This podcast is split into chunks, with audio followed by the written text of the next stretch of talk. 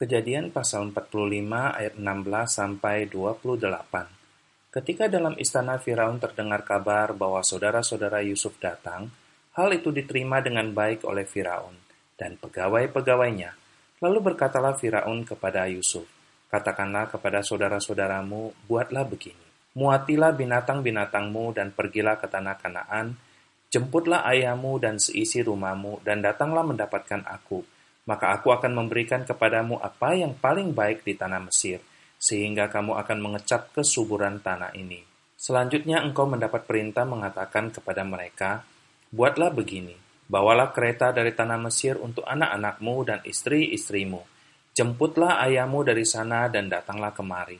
Janganlah kamu merasa sayang meninggalkan barang-barangmu, sebab apa yang paling baik di seluruh tanah Mesir ini adalah milikmu Demikianlah dilakukan oleh anak-anak Israel itu.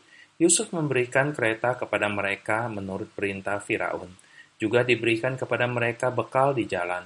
Kepada mereka masing-masing diberikannya sepotong pesalin, dan kepada Benyamin diberikannya 300 uang perak dan lima potong pesalin.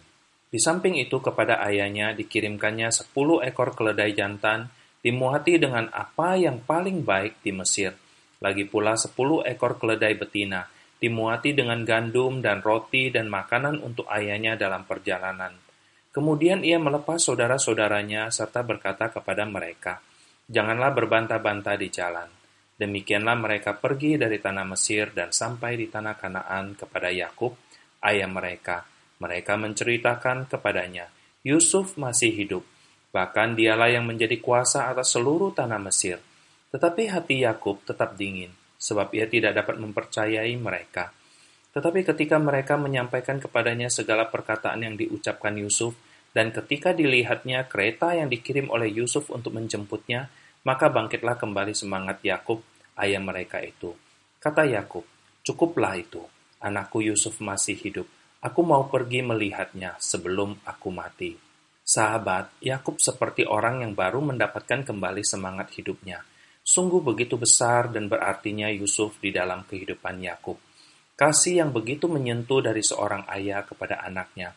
Mungkin kita bisa menggambarkannya dengan kisah anak yang hilang, yang dikisahkan Tuhan Yesus. Sang Bapa tidak berhenti menanti dan berharap anaknya kembali ke dalam pangkuannya. Hingga satu hari penantiannya membuahkan hasil. Dari jauh sang Bapa telah membuka kedua tangannya dan berlari mendapatkan anaknya. Dapat kita bayangkan bagaimana raut wajah Yakub.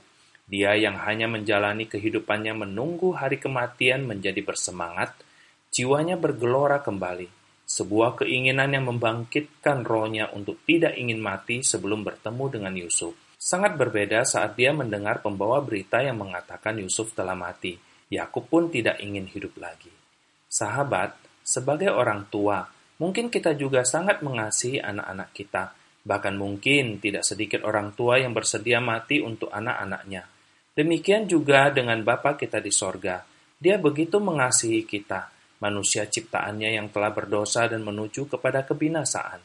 Tetapi kebesaran kasihnya membakar hatinya untuk memberikan anak tunggalnya demi keselamatan kita. Kasih Bapa Sorgawi tidak pernah luntur dan tidak pernah berubah. Sadarilah bahwa kesempatan telah diberikan.